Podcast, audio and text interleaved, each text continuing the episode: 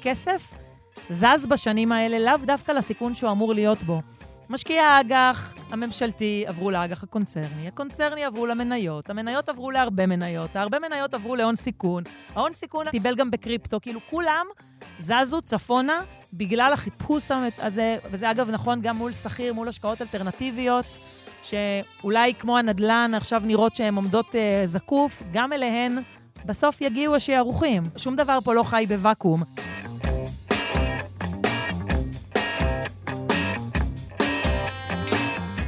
ברוכים הבאים למרקרים, פודקאסט סוף השבוע של דה מרקר. ההזדמנות שלכם לקחת פסק זמן ממחזור החדשות היומיומי ולצלול איתנו לאירועים, לאנשים ובעיקר לרעיונות מאחורי החדשות. כאן באולפן איתכם כמדי שבוע, ענת ג'ורג'י וגיא רוליק. שלום ענת. שלום גיא. שמענו בפתיח את גת מגידו, שותפה מייסדת של בית ההשקעות פינס הקפיטל. ענת, מה שלומך השבוע? בסדר, גיא. הייתי במתחם המחאה בשדרות רוטשילד השבוע. חזרתי לשם 11 שנים. מנסה להבעיר את המחאה מחדש. כן, בדיוק. האמת שזה, נסע, נסעתי כי, כי הסתקרנתי לראות uh, מה קורה שם, uh, וזה היה מאוד מאוד שונה ממה שהיה לפני 11 שנה. צריך להגיד שגם לפני 11 שנה לקח לזה קצת זמן, uh, עד שזה באמת תפס תאוצה, אבל פה עדיין זה היה מאוד מאוד uh, קטן. Uh, ואתה יודע, הפעם הראשונה זה היה נראה שיש המון נאיביות ואותנטיות אפילו, ופה קצת זה הרגיש לי כמו uh, מתמודדים בריאליטי שמגיעים לעונה השנייה ויודעים פחות או יותר כבר מה צריך לעשות. Uh, אבל עדיין המצוקות הן אמיתיות, והיה בזה גם הרבה דברים עצובים, לדעת שבאמת דברים לא משתנים, וגם איזושהי ציפייה שאולי uh, הפעם זה יהיה אחרת. יש לי הרגשה שנושא הפודקאסט שלנו השבוע פחות מעסיק את האנשים שפגשת במאהל המחאה ברוטשילד. אז כן, התחושה שלי הייתה, התלבטתי אם אה, מדובר בדווקא אנשים שהם אולי יותר קשיי יום. אה, שהגיעו למחות, או שמעמד הביניים הולך ומאבד אה, יותר ויותר כסף ואפשרויות מחיה פה. לא, לא ידעתי לענות על זה, אבל זה היה נשמע אחרת. כל מה שאנשים חיפשו שם זה באמת קורת גג. אפילו לא דיברו על רכישת דירה, רק על שכירות במחיר הוגן. כן, אבל התל אביבים לא ממהרים לצאת לשדרות רוטשילד, בין השאר משום שרובם הצביעו לממשלה הנוכחית, ובניגוד לאווירה שהייתה כאן ב-2011, האווירה ב-2022 היא שכולם עסוקים לפני הכל בשאלה לאיזה מחנה הם שייכים, למחנה של ביבי או אנטי ביבי, ואף אחד לא רוצה שהמחאה הזאת תנוכס והשתמשו בה האנשים של המחנה השני. יכול להיות, אה, זאת מחאה שהיא באמת יותר כלל ארצית. אני חושבת שתל אביב דווקא יותר שולית הפעם, וזה מגיע באילת ובפרדס חנה ובירושלים. כן, היא קצת שונה, אני חושבת שעוד מוקדם לדעת מה יהיה איתה, אבל uh, זה מסקרן, נעקוב אחרי זה. טוב, נדבר גם היום על מחירי הדיור בעקיפין בפודקאסט שלנו, אבל נושא הפודקאסט היום הוא הנעשה בשוקי ההון. נפילת הממשלה וכל האירועים הדרמטיים הפוליטיים דחקו מסדר היום קצת את האירועים המאוד דרמטיים שמתרחשים בשוקי ההון, ואני אתחיל עם שאלה פשוטה, ענת, כמה כסף הפסדת השנה בבורסה? אז אני מודה שאני לא מעיזה להסתכל על קרן ההשתלמות שלי. או על הפנסיה, אני מעדיפה לא לראות כמה הפסדתי, ולחכות שהשוק איכשהו יעלה. כלומר, את אדישה לחלוטין למה שקורה בשווקים, ענת? אולי בגלל שיש לך פנסיה לא, תקציבית? לא, לא, אני לא אדישה, אני פשוט פוחדת, גיא. כל אחד יש לו שיטות משלו להתמודד עם משבר. השיטה שלי היא הימנעות. אה, אני מודה שבמשבר שהיה בתחילת הקורונה, במרץ 2020, עקבתי, ואפילו כמעט והוצאתי את הכסף בקרן ההשתלמות, ואני לא אספר למאזינים כמה נזפת בי, רק על המחשבה הזאת. אה, אבל בסוף המתנתי בסבלנות, וזה כמובן זינק אה, חזרה, אה, ואני מודה שאני תוהה מה לעשות עכשיו. אז זקני הקוראים והמאזינים של הפודקאסט שלנו זוכרים שאת העשור האחרון שלי בעיתונות העברתי ככתב פיננסי ולאחר מכן עורך מדור אה, שוק ההון של הארץ, וזו הייתה תקופה של שנות התשעים שהייתי מבלה את רוב יומי בקריאת תשקיפים, דוחות כספיים ומול מסכי הבורסה ובשיחות אינספיות עם אה, ברוקרים, אנליסטים ומנכ"לים. נכון, ואתה מתגעגע, גיא. אז זהו, אז לקראת הפודקאסט הזה חשבתי על זה, והאמת היא שממש לא. העיסוק בניירות ערך, במימון, בריביות, בתזרימי מזומנים, בדוחות כספיים ובמודלים עסקיים, אה, היה אכן מאוד אה, שימושי כדי להבין בהמשך הרבה נושאים עסקיים וכלכליים. אבל בסופו של דבר אני חושב שמי שנשאר אה, בשוק ההון ולא יוצא משם, מאמץ בהדרגה השקפת עולם די מעוותת, שבמרכזה בעיקר האינטרסים של בעלי מניות. ולדידו של מי שממוקד בשוק ההון, העוולה החברתית הכי גדולה היא שבעלי עניין או מנהלים עושקים את בעלי מניות המיעוט, או שלא מחזירים חובות למשקיעים, כלומר עושים תספורות. וזאת ראייה שצרה יחסית, בגלל שבחיים האמיתיים, בכלכלה האמיתית, יש בעלי עניין הרבה יותר חשובים מבעלי המניות. יש את העובדים, יש את הצרכנים, יש את משלמי המיסים, יש את הסביבה ויש את האזרחים. וכמו שאנחנו מדברים על בפודקאסט הזה הרבה, אה, יש הרבה מאוד מקרים בהם הרווחים המרשימים שחברות אה, מציגות בבורסה, וכתבי שוק ההון קוראים לזה בטעות יצירת ערך או יצירת עושר, הם בעיקר העברת עושר מעובדים, מצרכנים, ממשלמי המיסים לבעלי המניות. כן, טוב, בדרך כלל בפודקאסטים שלנו אנחנו משתדלים להסתכל על העולם מהזווית אה, של כלל בעלי העניין, בראשם הצרכנים, כמו שאמרת, האזרחים, הסביבה, כדור הארץ, שינוי אקלים, מונופולים.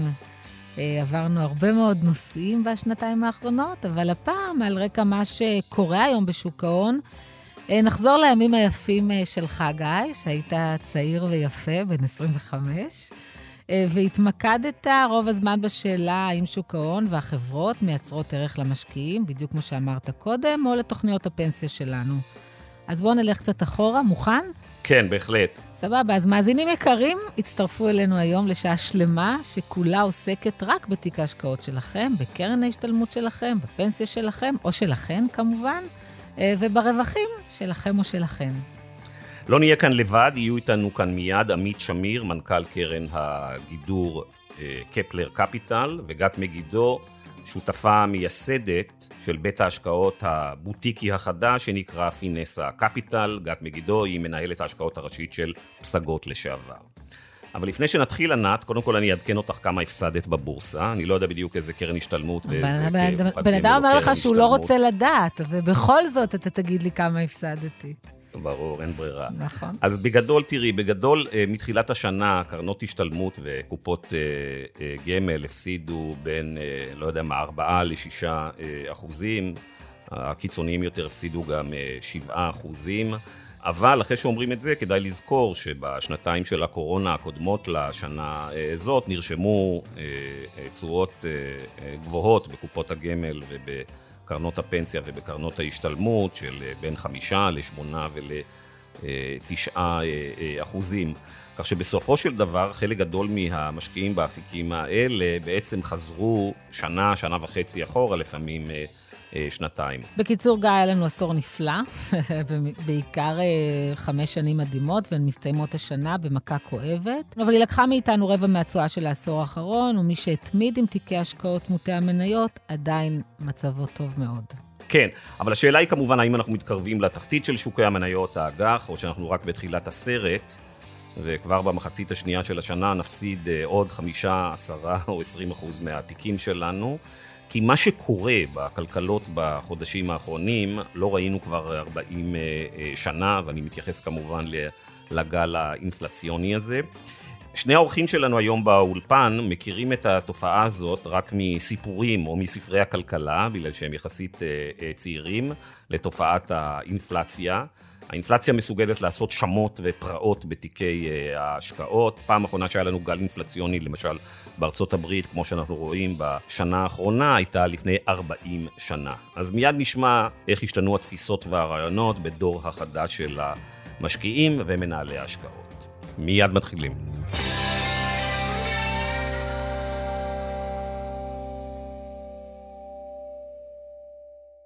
אז שלום גת, שלום עמית. שלום. אהלן. טוב, לא מקובל אה, לשאול אנשים אה, בגילים יותר מבוגרים בני כמה הם, אבל זה חשוב לדיון, אז uh, אני אשאל זאת כך. גת, כאשר אה, וול סטריט קרסה ב-2008, בת כמה היית? Um, הייתי בת uh, 25 לדעתי. ועמית?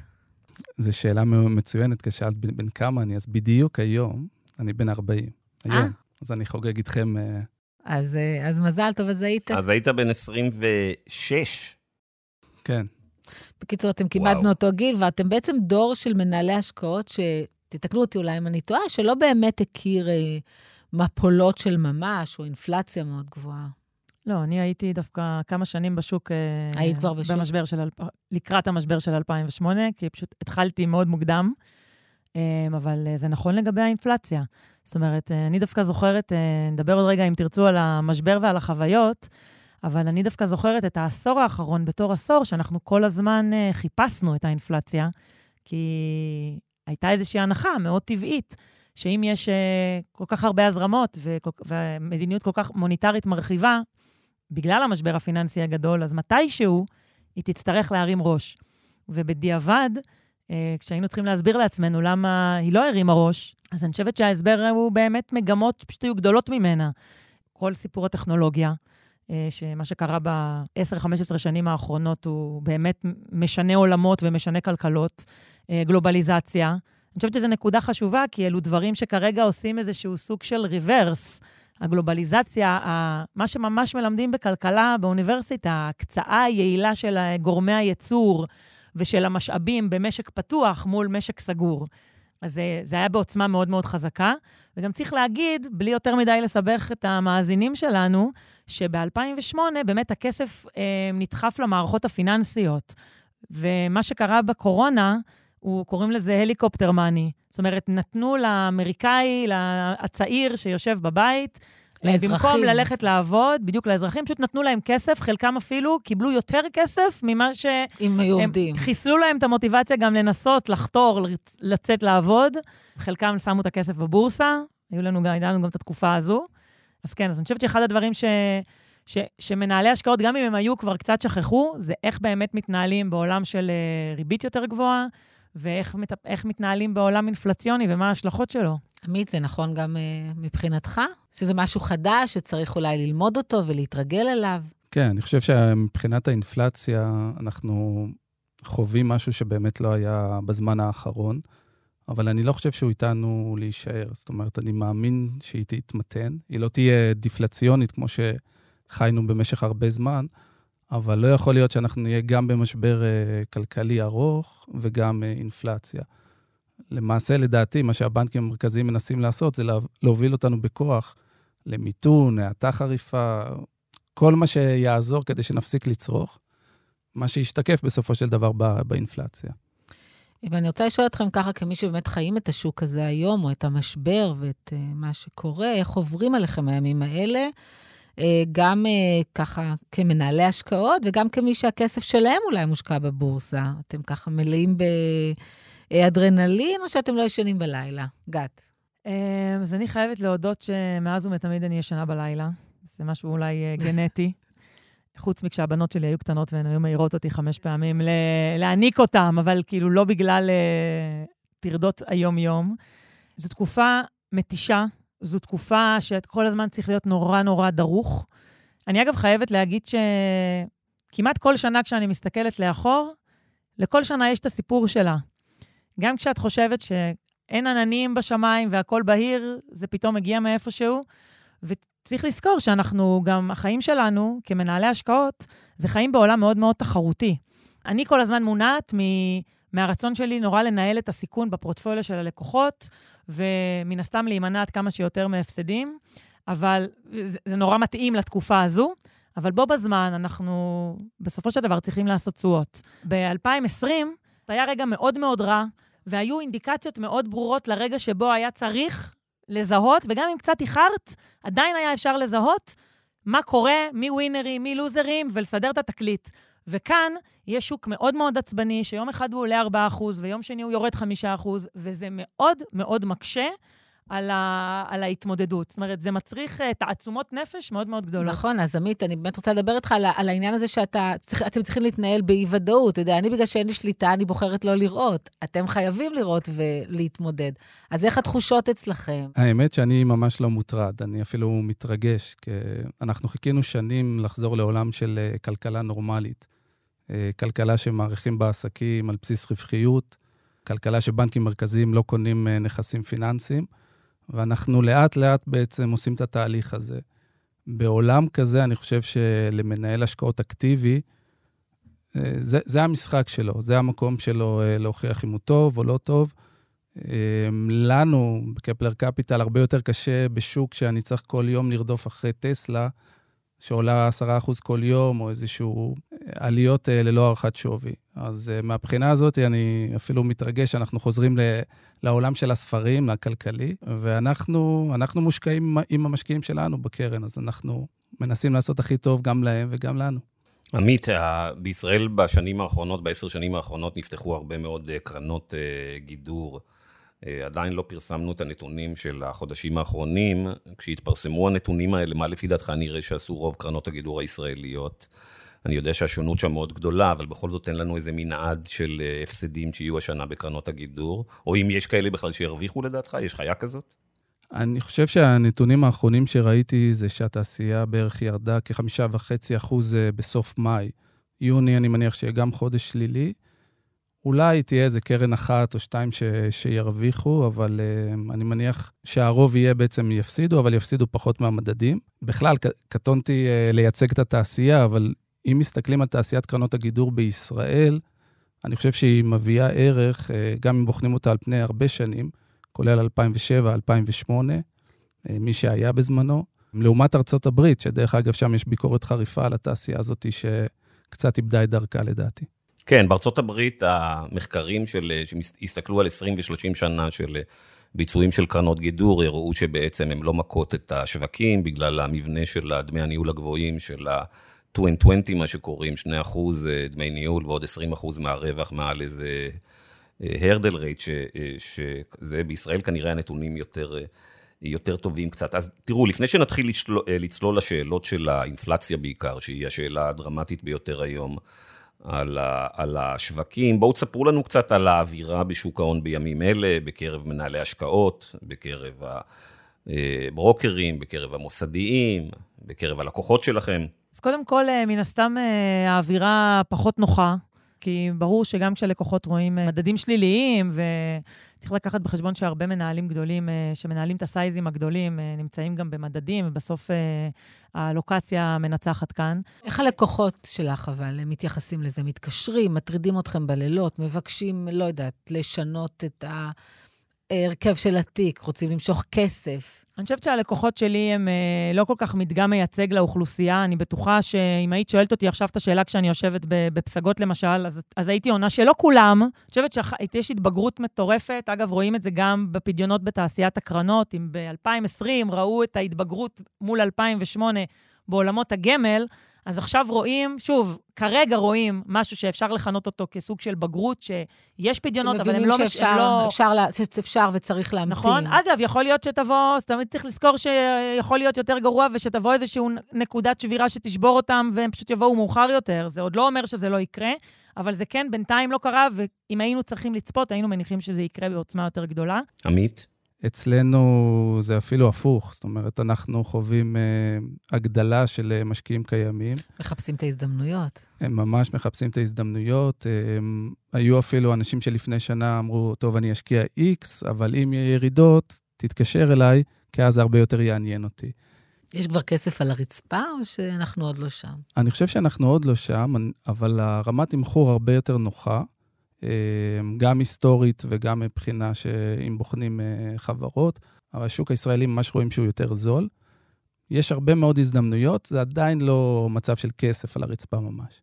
אז לפני שלושה שבועות, ענת ואני עשינו פודקאסט שעסקנו בו בנושא הייטק, והייתה לי שם איזו הערת אגב, שאומנם מחירי המניות בנסדק, המניות של חברות טכנולוגיה, בין השאר Software Services וכל מיני דברים כאלה, ירדו ב-50, 60, 70 אחוז, אבל אמרתי לשני האורחים שלנו, שנראה לי שאני מסתכל על המכפילים, של ה... שאני מסתכל על תזרימי מזומנים ועל רווחים ועל דברים כאלה שבעצם השוק הפסיק להסתכל עליהם בשנים האחרונות, כי הסתכלו רק על הכנס, מכפילי הכנסות, זה עדיין נראה לי שהמחירים מאוד יקרים.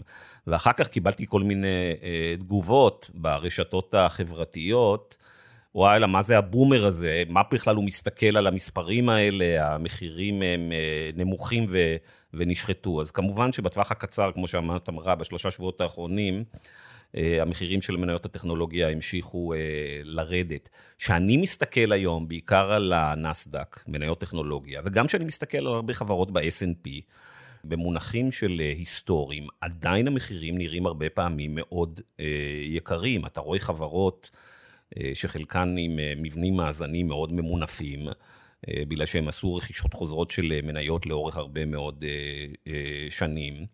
שנסחרות במכפילים מאוד יקרים עדיין אחרי הנפילות. קודם כל, אני מסכים איתך. אין ספק שרואים את זה בחברות היקרות, גם שהן ירדו. אני גם, גם חושב שהן אה, עדיין יקרות. אני חושב שמה שאנחנו רואים היה איזושהי תופעה שנקראת אה, BTD, by the deep, ואנשים התרגלו ממש כמו בניסוי של אה, פבלוב, ברגע שיש ירידות, קונים מניות. ואז uh, לקח גל ועוד גל ועוד גל ועוד גל, עד שאנשים הבינו שלא משנה כמה זה ירד, אם אין מאחורי זה ערך, זה יכול לרדת עוד. ואני חושב שהמשבר הזה אה, לא ייגמר עד שאותן חברות יתנקו לגמרי.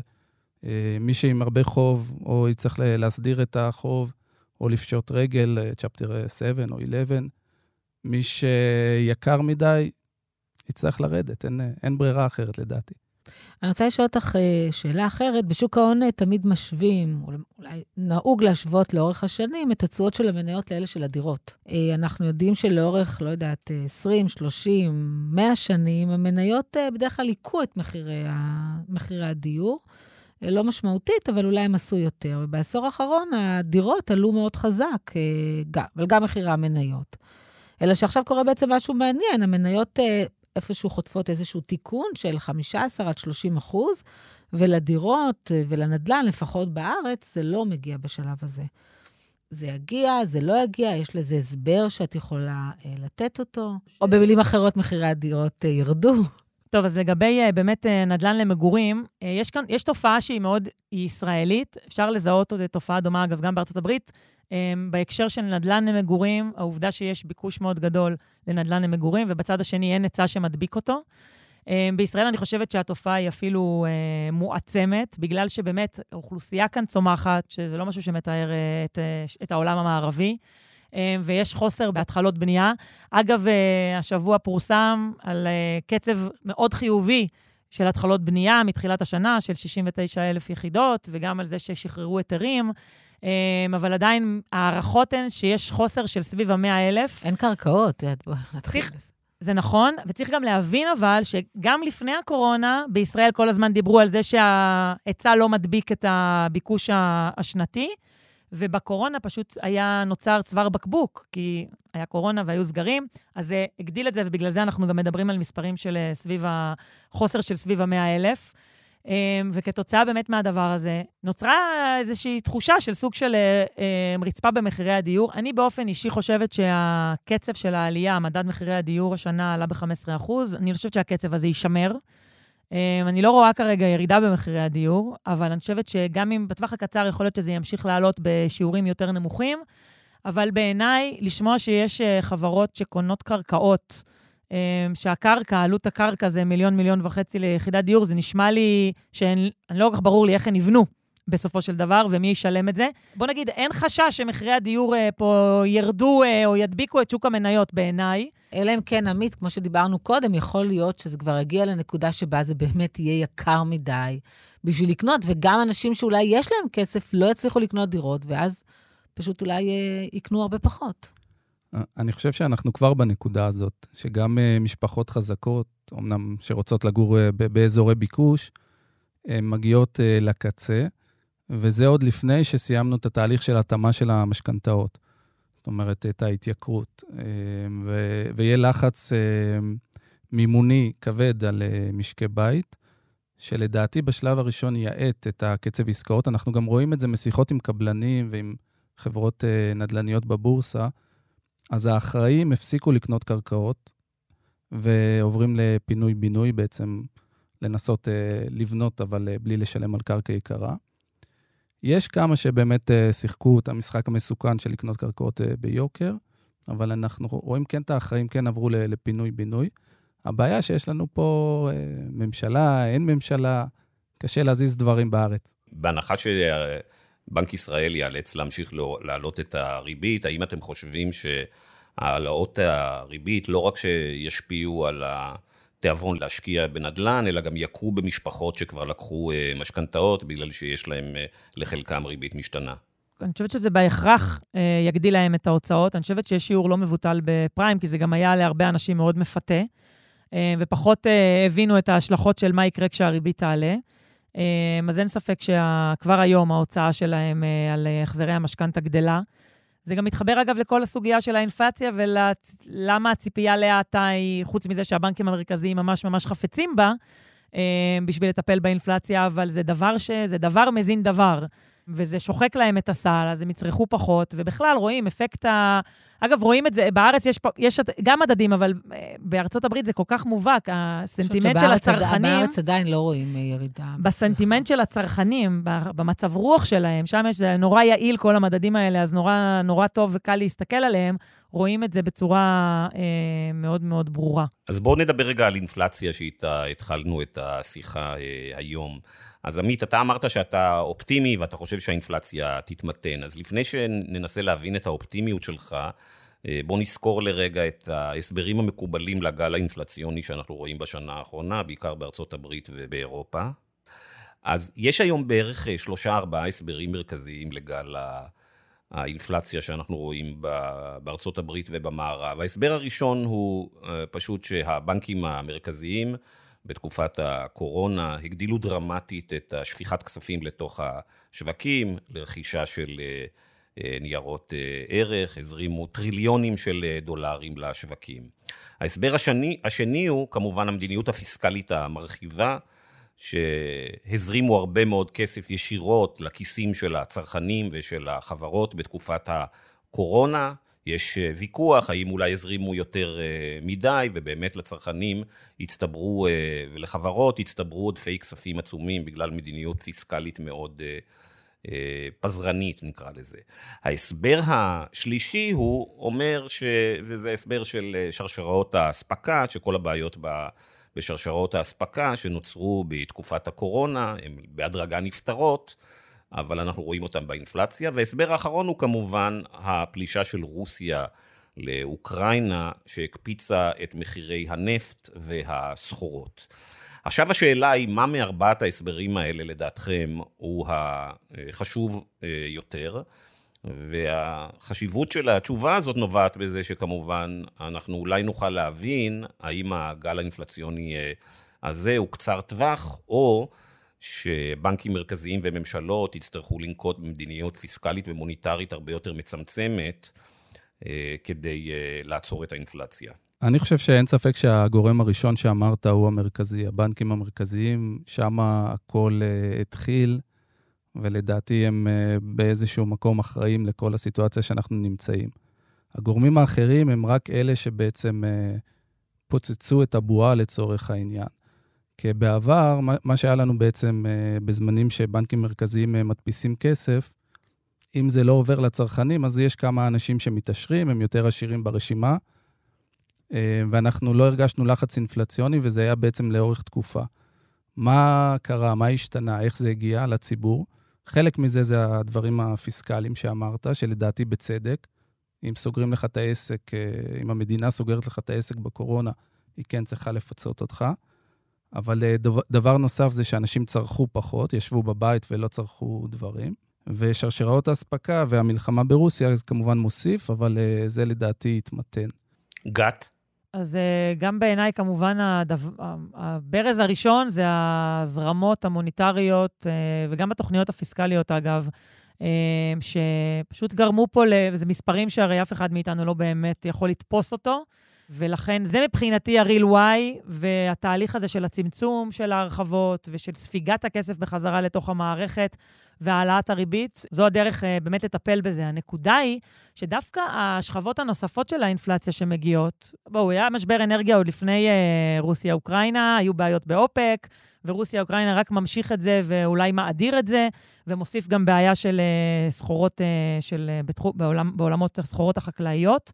וצריך גם להגיד, גם uh, שרשראות האספקה לא נפתחו עד עכשיו באופן uh, מלא. אנחנו עדיין uh, שומעים על uh, סגרים שבאים והולכים בסין.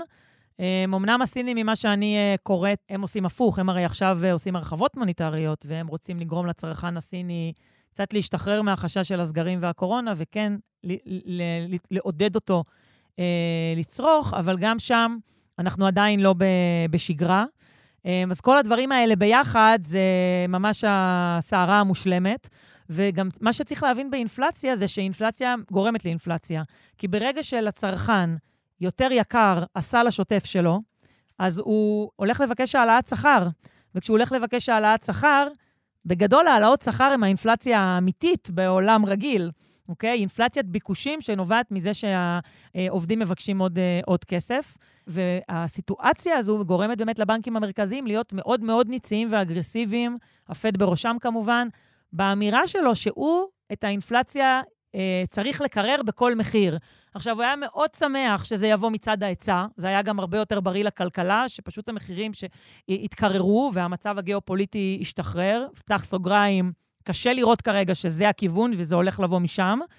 אה, אני לא חושבת שצריך להתרגש ממימושים קצרים אה, פיננסיים במחיר הנפט אה, או במחירים של סחורות חקלאיות, ולכן אין להם ברירה אלא לבוא ולטפל בזה בצד של הביקוש, ובעצם לדכא את הצרכן ולדכא את החברות באמצעות העלאות ריבית וספיגה של הכסף חזרה, כדי שהביקושים יתקררו, כדי לקרר את הכלכלה, כי הם צריכים בסוף לבחור מאיפה להביא את זה. אם נחזור לגיל הצעיר של, אה, שני, אה, של אה, שניכם, אז באמת, מהרגע שהתחלתם להיות בשוק ההון, מחיר הכסף היה מאוד נמוך. אם מסתכלים על מחיר כסף ריאלי, כלומר מנוק, ריבית נומינלית מנוקת אה, אינפלציה, בעצם ב-10-15 שנים האחרונות אנחנו קרובים למחירי אה, כסף ריאליים שקרובים לאפס. אגב, גם עכשיו הריביות הריאליות הן עדיין שליליות, בגלל שהאינפלציה היא כל כך גבוהה, אבל כמו שאמרתם, נגידי הבנקים נחושים להוריד את זה, וכדי להוריד באמת את ה... את האינפלציה, הם יצטרכו להעביר אותנו לעולם של ריביות ריאליות חיוביות. והשאלה שלי אליכם היא מוזרה. חלק עצום ממנהלי ההשקעות היום הם אנשים בגיל שלכם, חלקם אפילו צעירים אה, יותר, וגם חלק לא קטן מהמשקיעים. זה בעצם, יש לנו דור שלם של אנשים שלא מכירים כיצד נראים שווקים פיננסיים בעידן של ריביות חיוביות. שלא לדבר כמובן על אה, ריביות אה, חיוביות גבוהות, כמו שהיה לנו לפני 20 ו-30 אה, שנה. אתם יכולים לדמיין אה, עולם כזה? אני אגיד לך מה. קודם כל, אני חושבת שאנחנו ש... במשך, בשנתיים האחרונות ממש, אבל במשך כמה שנים, והשנתיים האחרונות זה העצים את זה, נהיה מושג New Normal, ובעולם של New Normal גם מסתכלים רק על מכפילי הכנסות והכול ברור. ועכשיו כשמעלים ריבית, אני לא בטוחה שאגב, הבנק המרכזי בארצות הברית יגיע ל-3.5 ויחצה את ה-3.5, ואני לא בטוחה שבנק ישראל יגיע ל-2.5 או יחצה את ה-2.5, אבל עדיין, יש עוד דרך גם עד לשם. ופתאום עולות ריביות, ואנשים, פתאום אנשי שוק ההון וגם משקיעים פרטיים וחברות, פתאום רואים שלא, זה חוזר להיות אולד נורמל. ויש באמת איך מתנהגים באולד נורמל. עכשיו, אין תשובה אחת מהמקום הזה שגם בתוך התהליך הזה, הרי במיתון למשל, מחירי סחורות לא אמורים להרקיע שחקים, אוקיי? אז אם באמת יצליחו לייצר פה האטה חריפה ומיתון, אז כנראה שמחירי הסחורות לא יהיו איפה שהם נמצאים היום. אבל עכשיו הם גבוהים, ויש סיבה מאוד, מאוד מוצדקת לזה שהם גבוהים. אז אני חושבת שבכל שלב בדרך יהיה צריך לעשות התאמה לתיק ההשקעות. אה, ולנסות לחפש או את הדברים היותר דפנסיביים. בקיצור, אין משמעות לגיל, גיא. אני אתן תשובה קצת יותר פילוסופית, כי אני חושב ש, שמישהו שמנצל רק את הניסיון האישי שלו, הוא קצת אה, חוטא לתפקיד שלו. זה מזכיר לי שחזרתי מלבנון השנייה, אז אמרו לי, אה, אתה לא היית בלבנון הראשונה. ואז דיברתי עם איזה פרופסור, הוא אמר לי, אה, אבל אתה לא היית ב-73. זאת אומרת, הדרך שלנו ללמוד, בדיוק כמו שלומדים בקורס קצינים, לומדים ממלחמות העבר, אה, יש ספרים, ריי דליו, מנהל אה, קרן הגידור הגדולה בעולם, אה, כתב ספר על אה, משברים הרבה מעבר לשנות ה-80, הוא הלך מאות שנה אחורה, והוא אומר שרוב הדברים קרו איפשהו בהיסטוריה, ואפשר ללמוד מהם.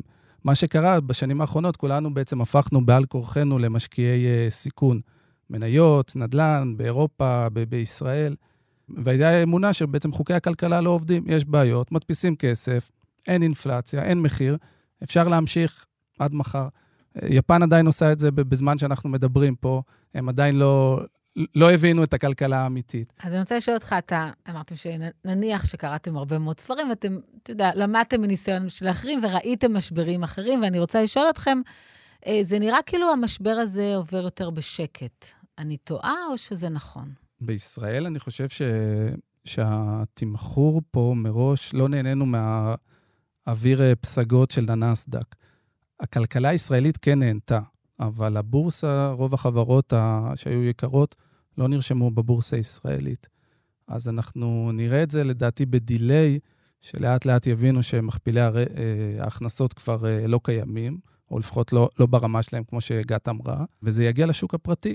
אני מנסה לחשוב איך לענות על הדבר הזה, כי זה מצחיק, כאילו, את אומרת את זה בתור מישהו שלא חי את העולם הזה, אז זאת החוויה שלך. כאילו, ברור לך שהחוויה שלי... שזה כל היום. האירוע קורה, אז... לא, אה, אז אני לא מדברת עליי ועלייך, אני מדברת באופן כללי. את רואה שלמשל ההתנהגות של הצרכנים לא השתנתה עדיין, בישראל לפחות. נכון. זה שזה אצלך זה משהו אחד, אני שואלת באופן אני כללי. יודעת, אני אגיד לך למה זה קורה בארצות הברית לפני ישראל. לא רק בגלל ששם התחילו לעלות ריבית לפני, כי סך הכל הנגיד פה די אה, עובד בלהדביק את הפער. אמ, האמריקאים הם הרבה יותר בשוק ההון. האמריקאים, האנשים הפרטיים בארצות הברית, החינוך הפיננסי שם הוא לאורך שנים הרבה יותר מתקדם מכאן, ואנשים צעירים אה, ומשקי הבית חיים את שוק ההון, והם גוזרים את תחושת העושר שלהם מהרווחים שלהם בתיק ההשקעות. וכשהמדדים, ה-S&P והנסדק יורדים בכזו חדות, הם מבחינתם, תחושת העושר הזו שהם חיו איתה בסוף 2020, עד, בוא נגיד, הרבעון הרביעי של 2021, אה, מן הסתם אה, התמוגגה לה בתקופה, ב, זה כבר יותר מחצי שנה, זה כבר קרוב לשמונה חודשים, כי הירידות התחילו כבר בסוף שנה שעברה, ובישראל, um, הירידות התחילו רק ממש בחודשיים האחרונים. זאת אומרת, המד... מי שמשקיע במדדים, או שהיה ב... בסוף הבורסה בישראל היא בורסה שהיא יותר בורסת ערך. יש כאן uh, חברות uh, שנהנות מעלייה של מחירי הסחורות, ובכלל, המצב של הכלכלה הישראלית, צריך להגיד את זה, למרות שאין לי ספק ש...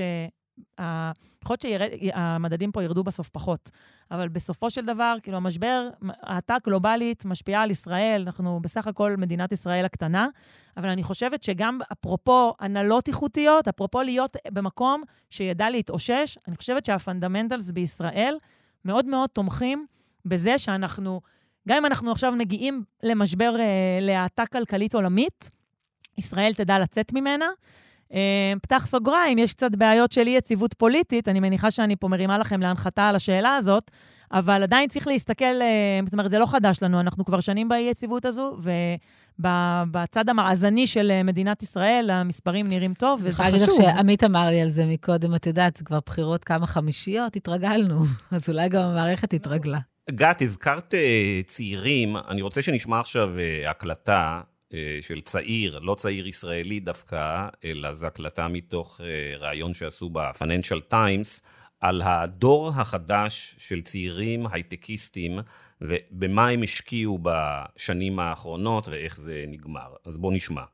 A lot of young investors have never had to go through a downturn the last major downturn was uh, you know 12 years ago so a lot of people weren't in the market. So this is the first time i think i and many of my friends will be experiencing this kind of pressure.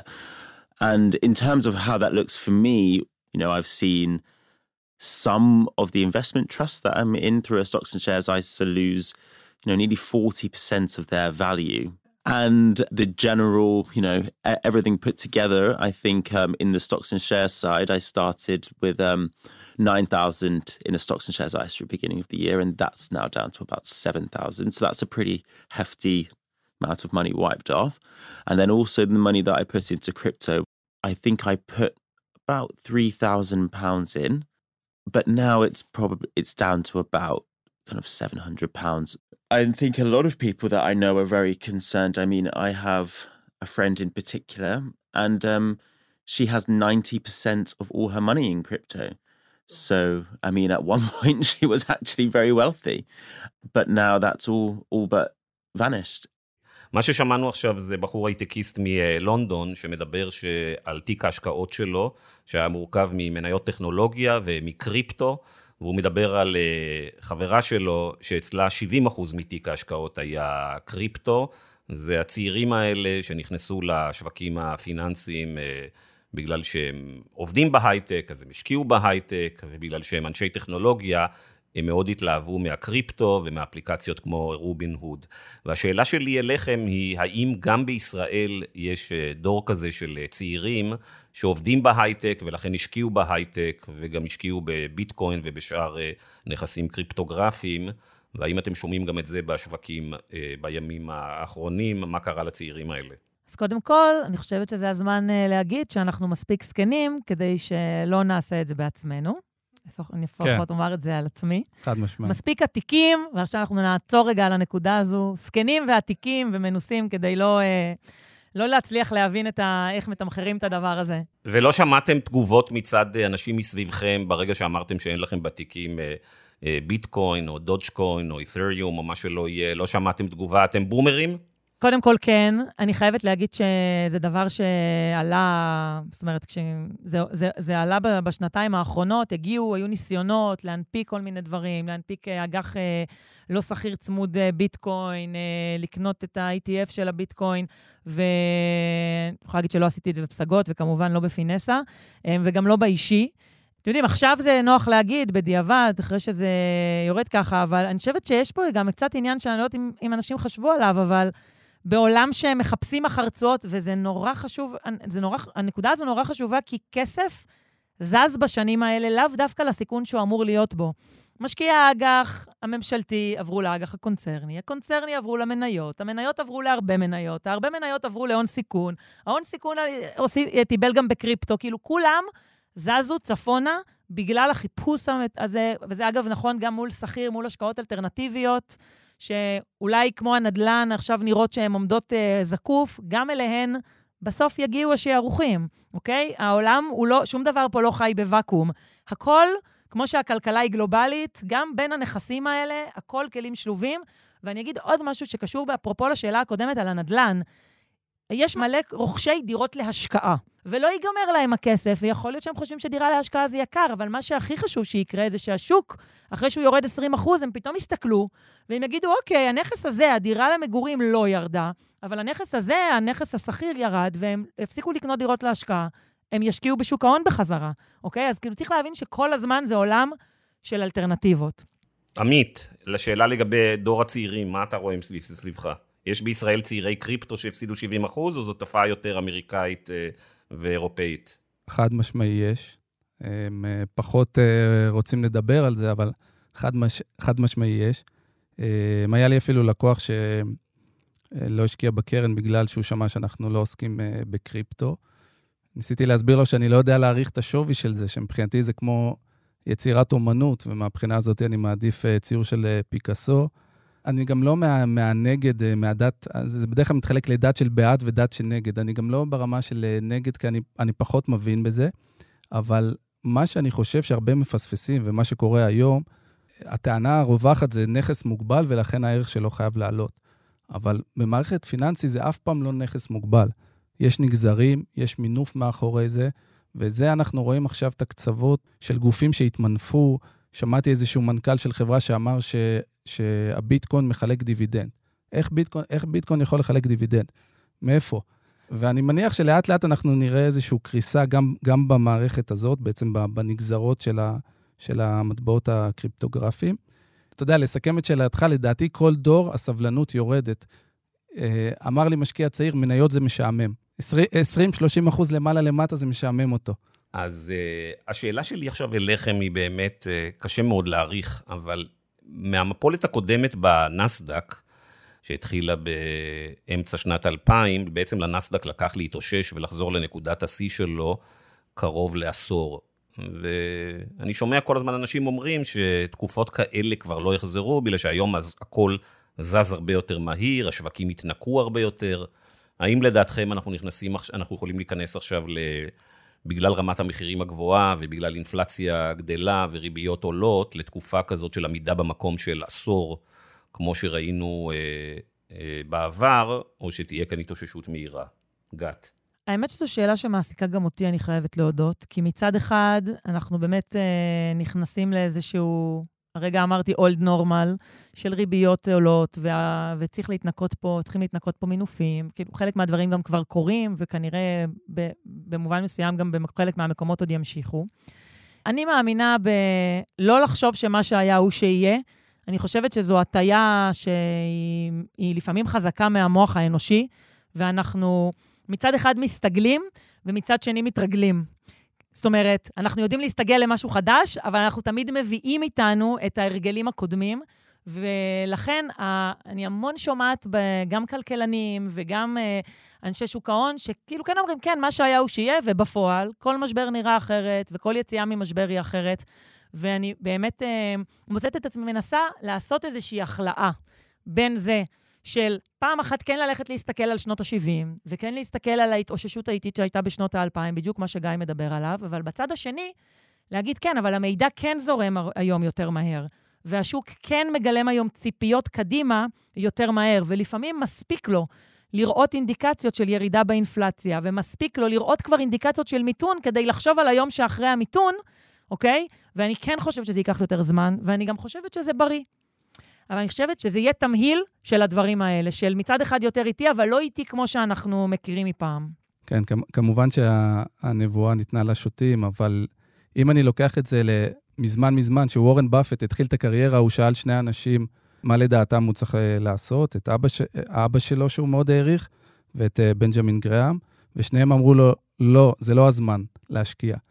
אה, ואנחנו יודעים איך, איך הסתיימה, או לא הסתיימה, הוא עדיין חי ובועט, הקריירה שלו. אז אני חושב שבסוף החברות הטובות ימשיכו להיות איתנו, יהיה סלקטיביות, חברות רווחיות ימשיכו לצמוח, לדעתי, בסופו של דבר, אנחנו חייבים להיות מושקעים. לא, עמית, זה ברור, אבל רוב האנשים היום, בניגוד לעבר, ואני חושב שגם בצדק, אה, חשופים, החשיפה שלהם לשוקי המניות היא דרך אה, מדדים. הם לא קונים ומוכרים אה, מניות ספציפיות כמו באפט, ואגב, אפילו באפט עצמו ב-10-15 שנים האחרונות כבר בקושי מצליח להכות את השוק. אז השאלה שלי אליך שוב היא, היא, היא כזאת, לפני הפודקאסט, ענת שאלה אותי על תיק ההשקעות שלי. ואמרתי לה שלמרות שאני אה, מתעסק בכלכלה ובפיננסים 30 שנה, כל החיים שלי אה, ביצעתי רק trade אחד. רק פעם אחת עשיתי פעולה, ב-2008, כאשר בשיא המפולת, אה, קניתי קרנות נאמנות של מניות ושל ג'אנק בונדס ודברים כאלה, ומאז כמובן לא נגעתי בהם.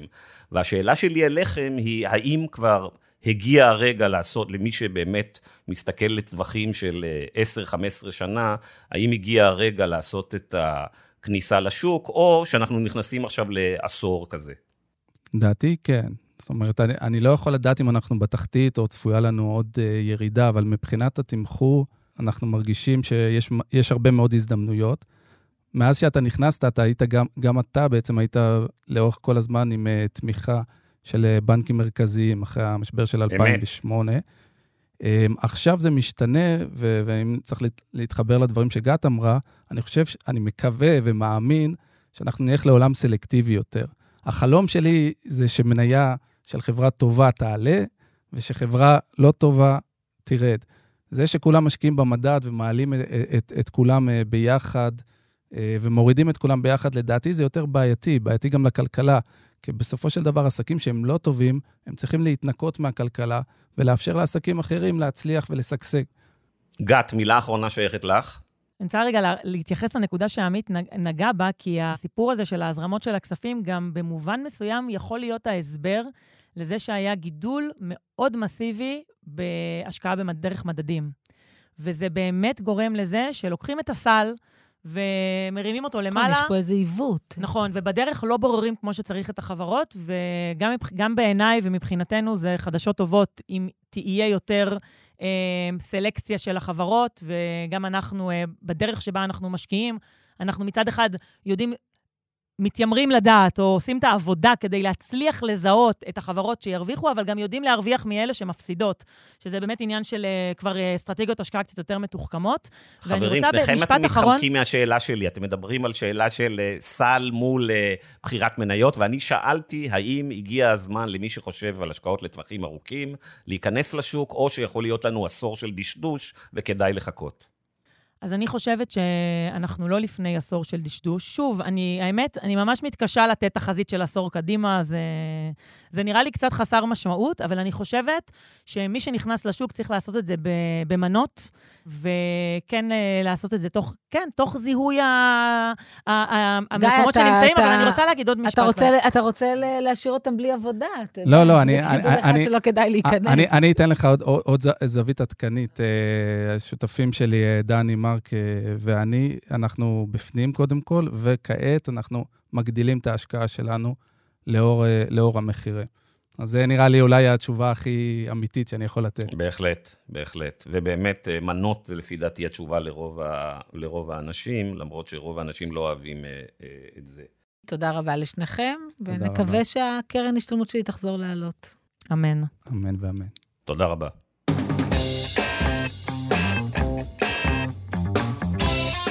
עד כאן המרקרים להשבוע. אם אהבתם את הפודקאסט, אל תשכחו כרגיל לשתף עם החברים שלכם, עם קרובי המשפחה שלכם וכל מי שאתם מכירים שיכול להתעניין בפודקאסט שלנו, ולהירשם בחנויות הפודקאסטים של אפל, ספוטיפיי וגוגל.